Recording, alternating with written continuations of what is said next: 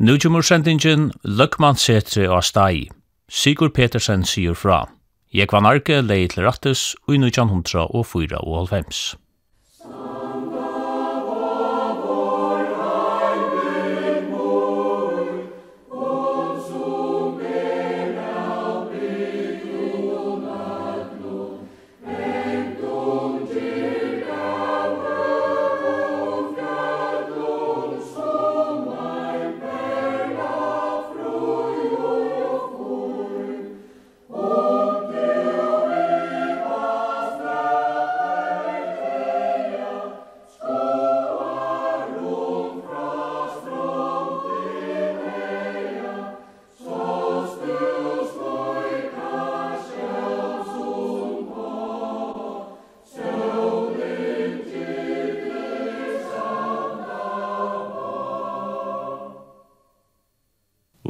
gamlare tøy hever løgmann skærer virja steg i Sandavai. Og i Sandavai medar deg at hetta er den mest tøyande totteren i Sandavoks søve, og hentan her løgmanns tøyen byrja i 1555, ta i løgmavren fekk æren av steg i Sandavai, og hon helt av lykka til løgmanns embete var avtidju i 1816. Og sigur, hva var det fyrir en bygd som løgmæveren kom til i 1555. Sandavavur er rattlega gomulbygd. Og i öldur hefa best tvær búlingar veri av sondun og av Stai. Sandar er nektan eldri búlingurinn. Av sondun stöfu húsinni, og man møti sjónun, nyrvi sandin, estar og megin vagin. Vel vart av Niklasabakka, møte sjóranarnun, her sost ikkje til haus, og er sera vevegott. Dei eldste husene stod fra Mætaronne, når at gamla kyrkjegære, nian mot Barstalstoven. Gamle husene var og lofte, vi a, vi onna, og i herrastovo, eianstovo, Barstalstovo, oppi huset, oma fyrir lån, norra fyrir gær, av myrene, og at dunka og at fløtten. Gamle bøveren ta hesemegin stauronna strekte hiane fra som vi standa fra stallonne nian fobaklette, ut av heienon, oman vi largile gile som renner utanfyr støyinar her batileren nu er Gilja megin, hin megin onna var bøveren fra Kvianstrø her når vi Fossil, Oma vi Staurånne, Nian et Gamla Gjere, inn tjøknen samforanar, Oma fyrir Orena, inna Sjøvarbø, inn om Tvottånna, og inn et Kilonen av Grind. Oppi av steg, her var helst åndsje husvere, fyrir en lagmannshusene var bygd i 1505 holdt. Husene var bygd her norranfyrir stallana, a sindur omanfyrir og norranfyrir er steia møyran. Hesi husene vid hersutja standa av gamla løgmansgrundene. Men de heva no halt anna bygningssni. Løgmanshusene heva som rymlet er veri ein lang, la, lån vi flær tætju.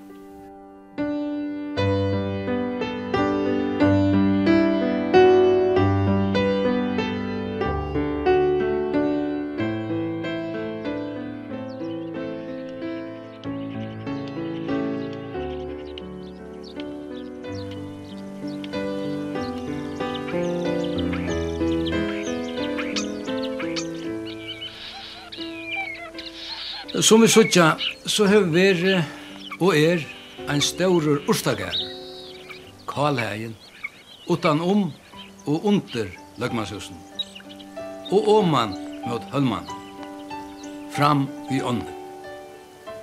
Utan om Kalhægen er grådgærer leiavar. Tau fram vi ånden ein blandingur av gråte og flere. Næste husene, som bygde er av stegene, er husene til arbeidsfølg.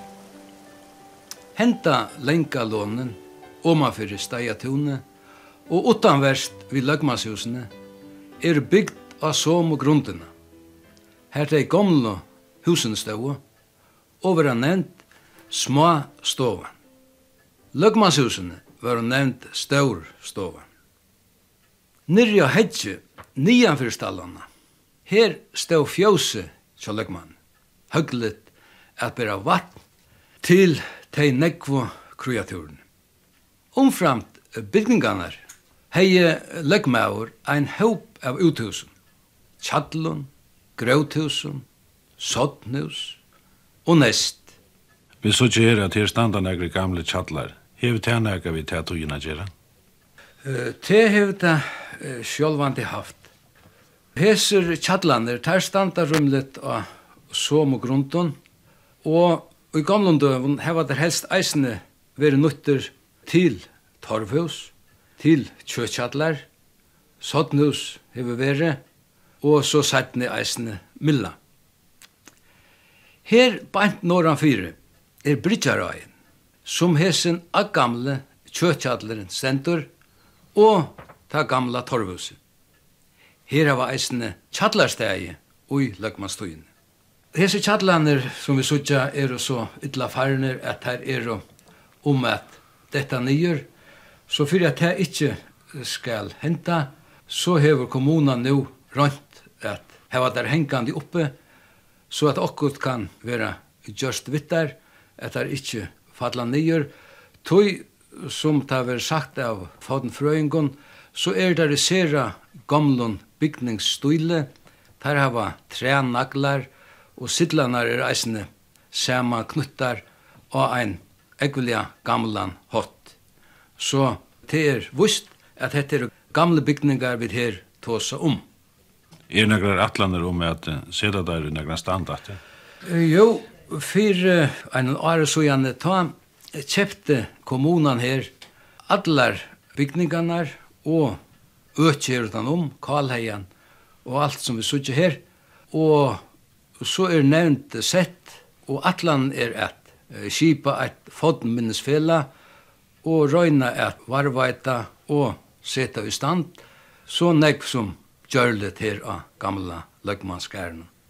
Du nevner kalheien. Hever her lukka som veri en veker bletter i sandavai i jøkken tøyina?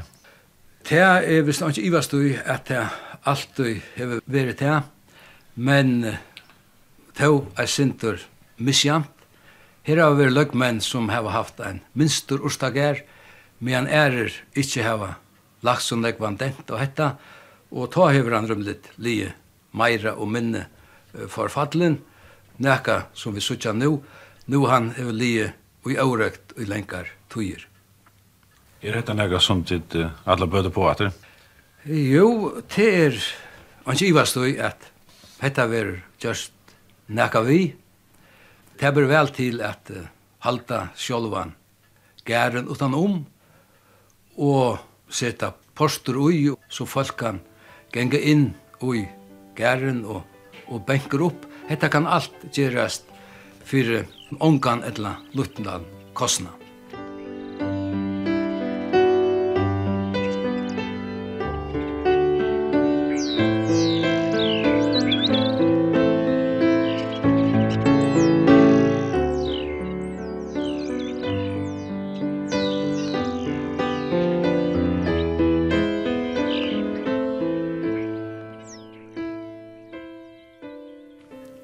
Nu har du nevnt at her var storstovan til Løgmanni og smastovan til honom her arbeidsfølt til boe. Var det andre hus av steinen?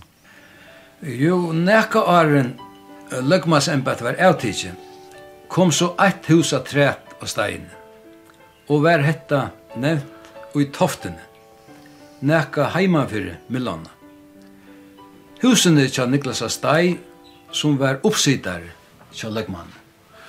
Her var ditt uh, nekran verve av hvordan stauris i husene som løgmaver sjølver bo i i våre? I Ødlundføren så hevde det vært en lenglån, men gussen nek var elden, det du ikke rettelig med om. Og det husene som arbeidsfolk bo i? Ja, det ser ut etter grunden at døme at det har vært nesten lukket lenge. Men hvordan ber det nå til at uh, løgmaver fikk stegene til løgmanskær? Ja, eh, kvoi og kvosso stein i løg løgmanskær er ikkje latt a mitt om. At gæren er veri gauur og staurur, vi nekvun gauun bø, så at han er veri vel skikkavur til løgmanseter, kan ongen ive veri om. Og møvelige av omstøvnar just da veri leialigar at finne hendur av gærnen. Ontsir avviser festarar kun hava veri, og sumt av gærnen kan hava finnes til kjeps. Gjør var ofta til sølu i tarretøyne. Mengan åtte løgmenn, prestar og embedsmenn, haupen av gjør.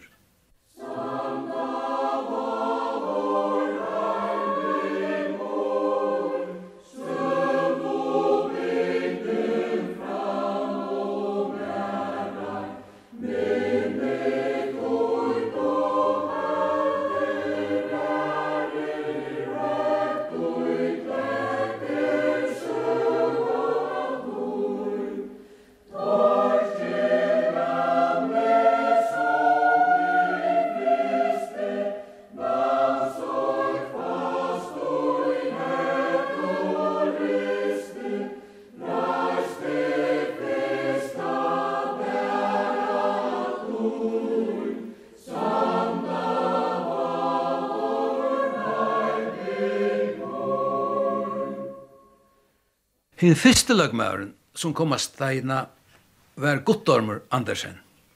Han var løgmaur fra 1544 til 1,5 Han bøv fyrst og i nøkker år i Sumpa, og så ut i Abø og Kyrkjebø, og kom av steina 15-5.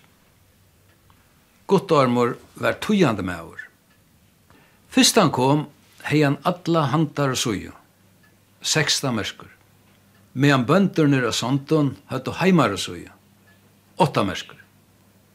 Søgnen sier at kjøtt tåg struisi opp mittlen løgman og bøndurnar og sånton om utrastur av neitunon, tjøknen heian tja bøndunon, og iver om og i hantar søya. Enden var at heim var tidsin fra bøndunon og lagdur at træt løgmanskaren. Og søvdu bøndener best etter vi bønnen. Så statt er det enn åtta heialesar merskur i bygdene. Løggemannsgæren gjør det nu, 24 merskur. Helmengren av allar gjørene og i Sandavai.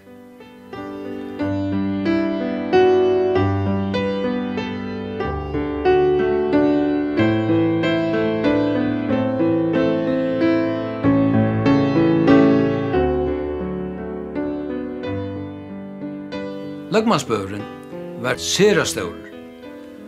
Alt tian som vi sutja her vi standa fra stallonne og man vi støvra nian at foppa klette og oman at nestenon hese megin onna.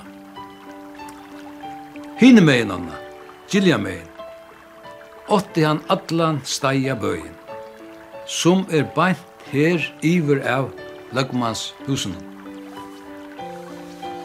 Og strekte bøveren seg, som vi sutja, fra Kvujans trø, her norre vi fossil, og heim vi ånne, og man møte brunne, og nya møte gilun og grint, heimafyrre og arli. Østansmørsk, upp av innare enda av atløyrene hørte eisene vi til Løgmanns bøyen. Hetta hefur verið ein ekvelia stór innmark som la til løgmannskæren. Eit ordans bønda bruk. Hetta hefur kraft duna folk at skipa fyrre og duligar hendur at arbeida om um bøveren ikkje skulde falla i aurøkt. Så statt var alltid negv arbeidsfolk knutt at gærnum og vel man hava bore til at finnje folk til arbeides tog som sagt verur og i 1633 var best 19 hus i Sandavaje, 6 av modelig formue og 13 fattige.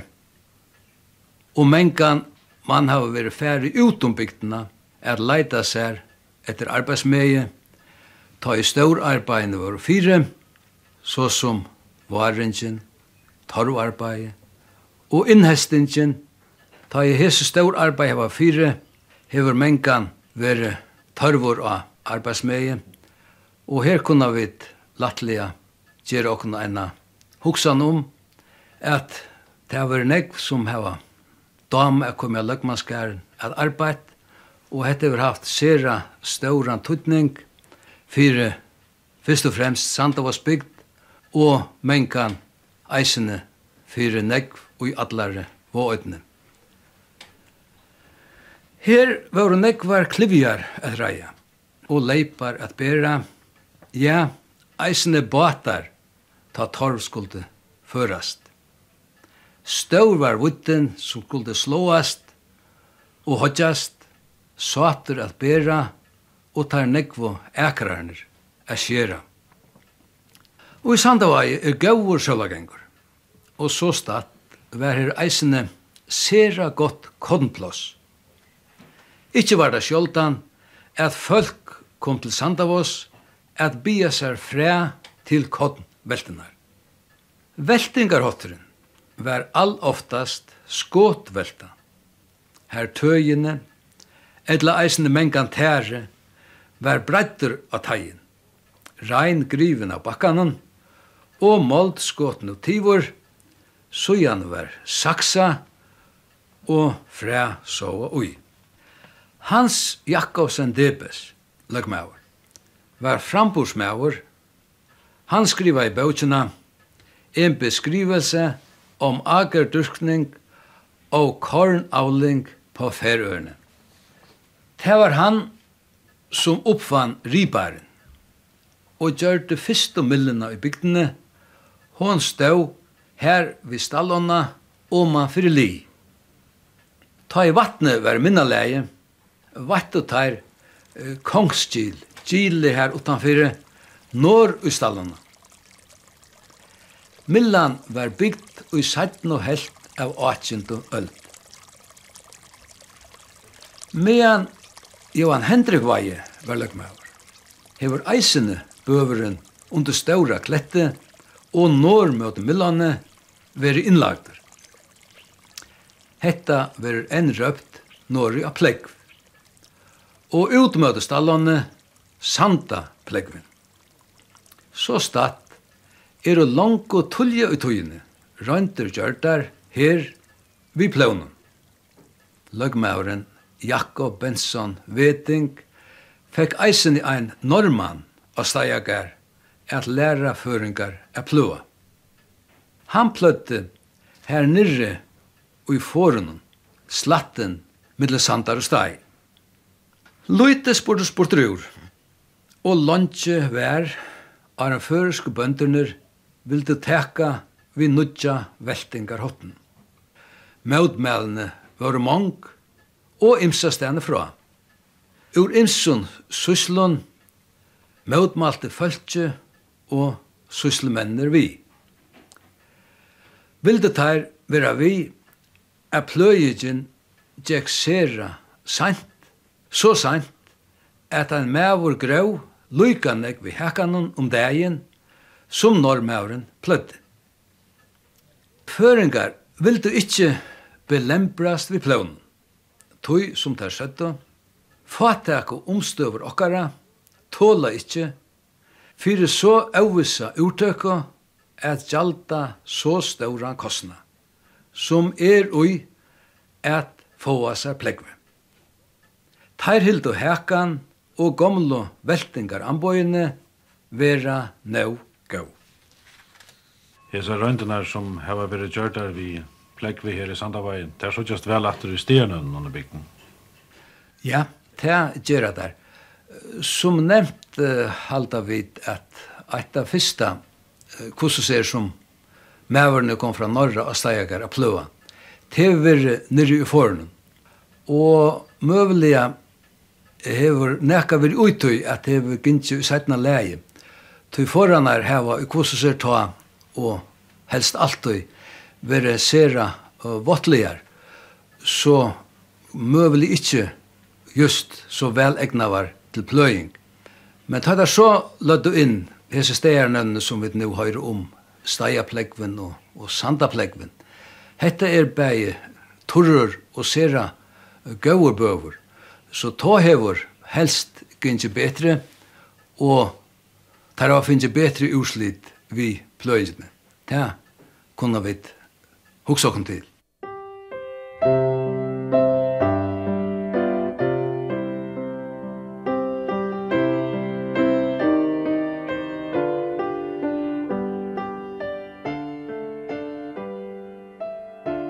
Vi har nevnt at uh, er 24 mersker og tangars.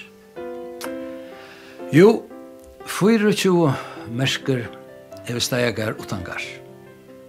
Hetta er allur hegin, estan fyrir uh, staurånda som her renner mitt om at bygdina, og estan fyrir onna og renner oman av holse og sunna verst vi futa klett.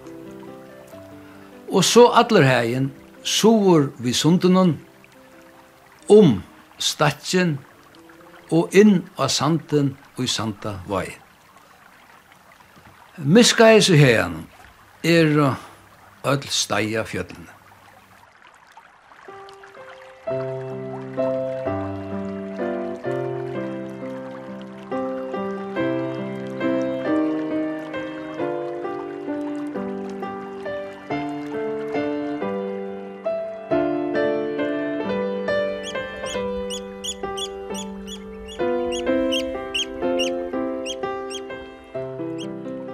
byrja vid sunnane fra, så kunne vi fyrst teka Arjen fjöllene koma, Fugla björgjene, her er stakkaner, luttle stakkur, lusa stakkur og handase stakkur.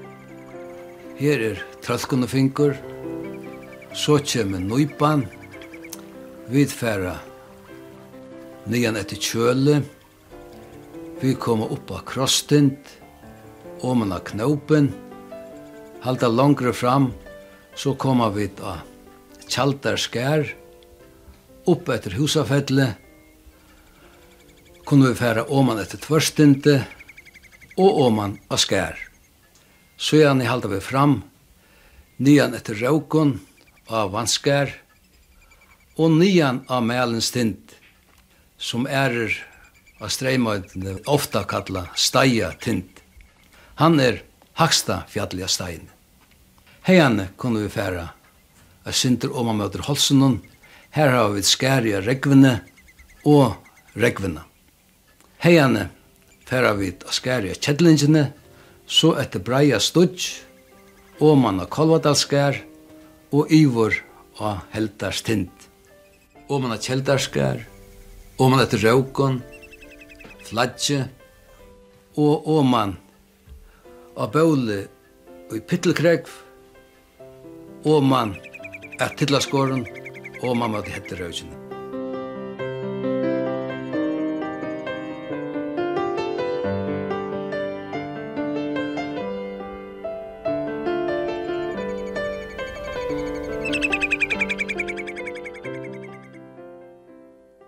Under fjellene er og negver, vekrer og gauur delar. Eisene sunnane fra, lidja her fyrst, disjanar og ståre botneren omafyrir. Vi hava tjekva del, her skulde negver tjekvor vera og i gamle døvun. Og enn sutja vi bant omafyrir og skære av kvörjinare, okkot tjekva per. Ferradalur, han er norranfyrir Melestint, ekvilja vekur, graskaur, dalur. Og man i tjøknun, han renner ferrad, altså. Så er nu ferra vi soer om rensleite. Her har vi et kolvadel. Her sier søknen at løgmaur hei kolvanar om sommar. Kolvanar var leitter nian tjøkne brekker, nian Dalagøtu, yver om skær, nord i ståra spott, og så opp om Akalvadalskær, nyer i Kalva Studjen, og så var leie opp i Studjen, og ta Kalvane var nykomner, så var ikke til å komme opp atter, og var det litt av Kalvadale alt sommar. Helledalur. Han ligger så sunna for Helledas leite. Graska og daler, men veveringt, så hever ofta rækplås tja seginan om varanar og ring fjöra. Sunna for krainar hava vi så Kjettlinga dal. Han ligger i heiaparstenen som vi nevna sikre Seier her var sera gott torplass, og i nødgjare tøy hever rattliga fitt av torve vi skår her. Færa vi sover om ståra leite, koma vid av Oknadel. Sera vekur, djupur og stårer deler. Ovas i delen er Stauraleits botnur. Hesen dalur er allar tøyer veri sera gott uh, seia plås og herra træt fra gamlund døvun egvilja gott torplås. Sandavasmenn hava alltid haft strevi vi a kunna forvunne sér torvi tog i sjølvar bygdene og i dalen heimafyrre. Her var ongantui gott torplås. Så Sandavasmånen har alltid vært torvor av torve. Og før der, jeg vil tulja iver oknadel at skjera torv, og helst i lagmannstøyene vi. Her brukte der rossene negv, og her var mengan loiv og ta i daleren var fotler av arbeidsfølgen. Torve var mest rett om anna bakkan, og her heva vi stegar navn enn, som eitur av Lutastenen.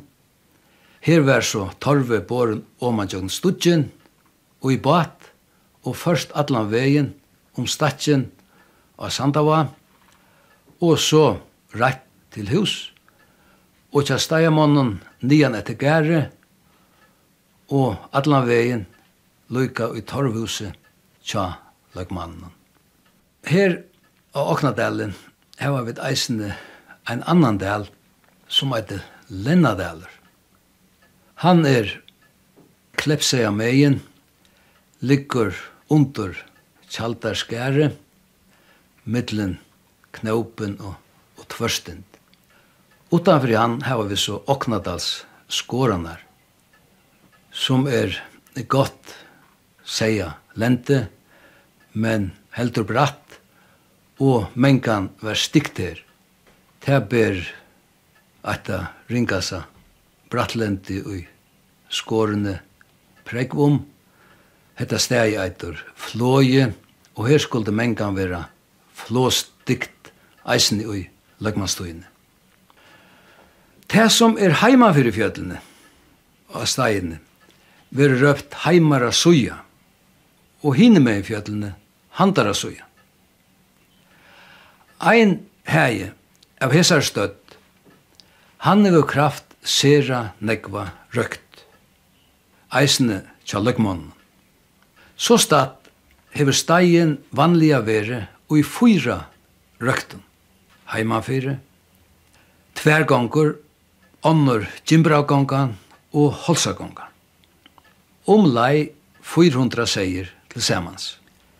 Rein, han hei gongnar Rensgongan og Heldalsgongan. Om 300 av seier. Sigre seier, ofta kalla Stora gonga, hei 200 av seier. Og så Oknadalur, Stora og Klepseagongan. 300 avseier klepsegagongan skulle vera så stygg i lagmastøyene at her måtte kleppa seie. Det vil sija hongto ei trepette eller okkur anna under holsen så at seieren var darvavur og kunde vera sintur spekter. Av hesson sast at løgmanskæren hefur bore 1200 avseier etter gamle skipanene.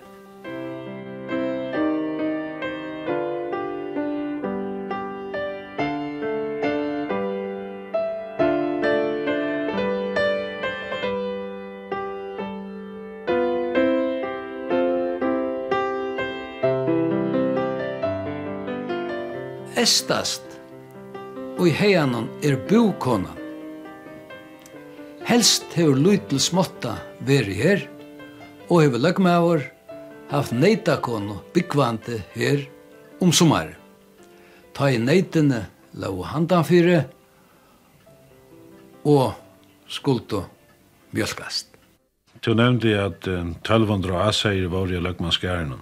Her var det i vestrin ekra homing om hos stora fjallskipan og løgmæren platt i havan akkurat hvordan jeg var fjallskipan løgmaur hever haft. Det er ikke just så lett som mer å sige. Men at han av stegin var selt, hever fjallskipan alltid vært 16 manns av stegin, og 12 av sånt. Og hei kvør maur som fasta ödd, vi stegar navnet knutt til. Så kvør maur visste hver han skulle genga. Vi kunne nevna fjallskipanene til dømes og Klepseinen. Her fører fyra manns an nøypena, ein omanjøkken fløye, når om nyasta vei, annar av nøypene når om møve, trye av nøypene når om ovasta vei, fjore jøkken så gjennomførte han nye jøkken breiatai, tvair tjøkken nias skorar, tveir tjøkken miskoranar, ein etter kvannaroksbrunne, ein av hemmar held, ein av knaupen, ein av tjaldarskar, så ein av husavasrøkur, og tvørstund, under tvørstund ut etter padle, ein av klettene skære, ein Åskære, ein i brekken i Åartunko, ein etter Argesamere, og så ein under Argesamere. Hetta var fjallskipan og i Klepseinen. Omfram Åsjærøyting, Tjinko tar gomlo, i seitnegong. Ull var fyrja gull, tui måtti ongen lagtur færa til spillis. Vi vujtjande hesson er en lydel søva. Taivar av fjallige steine, holstikt vær, og ein eldre mævur hei en vanlig en ödd, alt fylgje helt åan, vi nekvar fer, og kvør kleiv slapp. Ta skulle han råpa, holvittler og kjettur, åh, oh, let færa, utlen er i onkum prysen mengan var seirin stikkur i lagmastuinn. Så ofta hever strevi at finnje allan seien heim. Hevast fellesvar heva veri i middelen, så heva tev oftast fleiri hundra seier veri at finnje heim av steine, ja onkundøy og i bestu åren, halt upp i møter taimun tusen. Det hefur mengan veri møte mykje at færi under flettingina. Og der gamla flette ofta sama kvöldi. Og skulde ta røkstofugulvet litja fullt av seie. Og seier la nye bunden lengt ut i tunet. Arbeidskonar hava haft negv om at veri, vemburnar skulde vaskast, bøbmør kókast, og mætur fåst av bor. Han hever alltid vært sera gaur hesa orsens tui.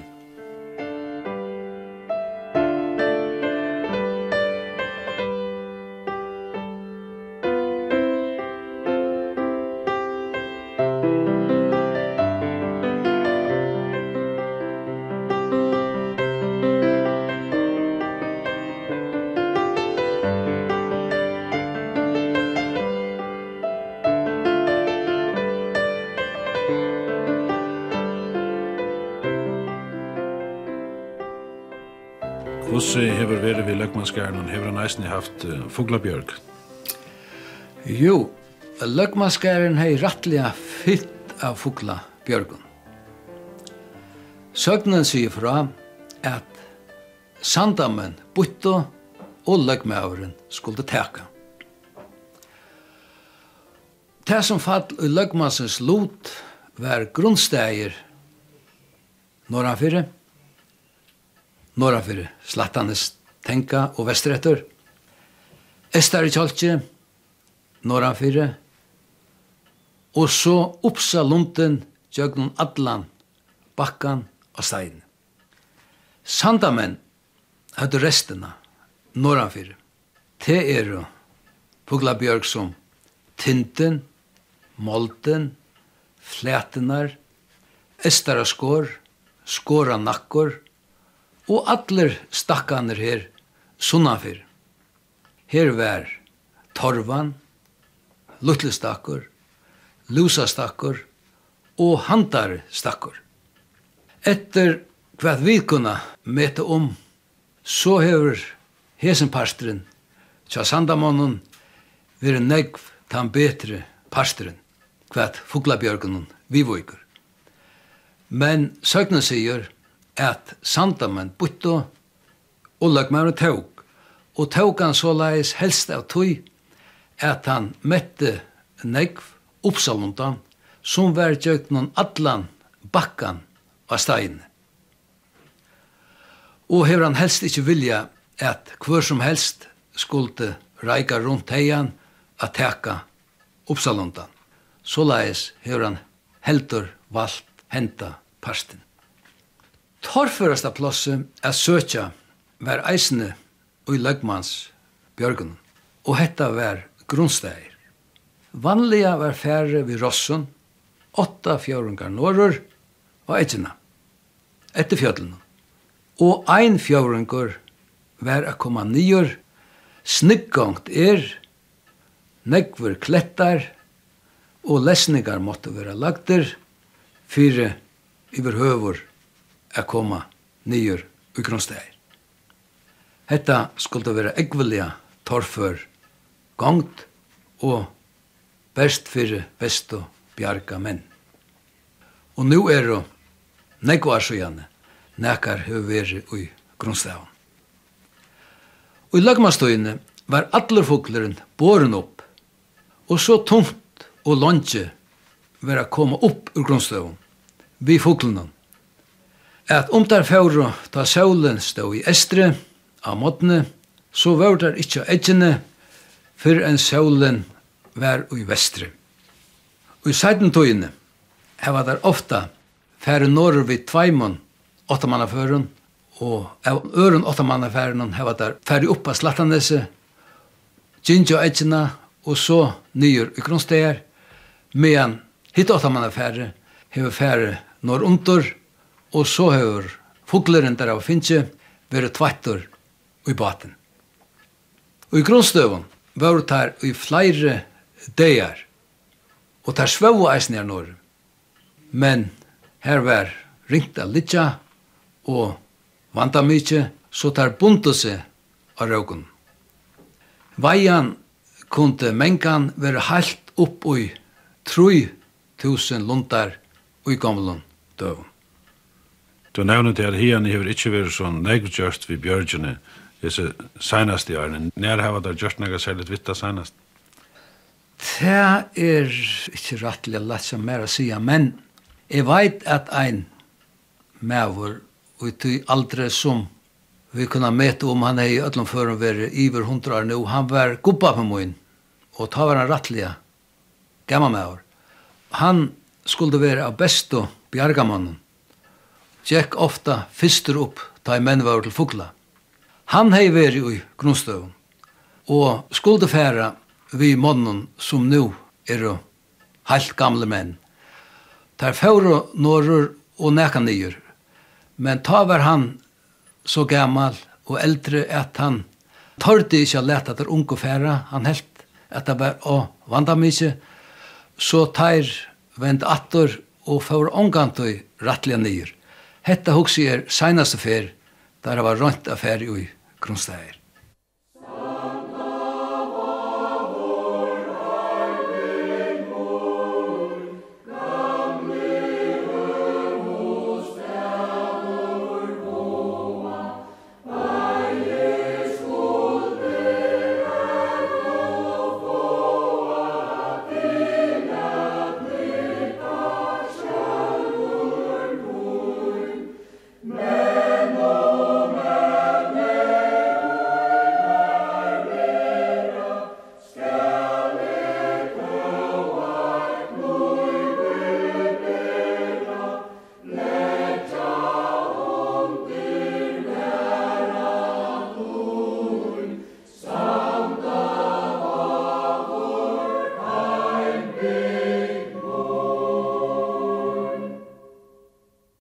Hatta var sentingen Løgman Setri og Stai. Vi tar til Sigurd Petersen og Jekvan Arke.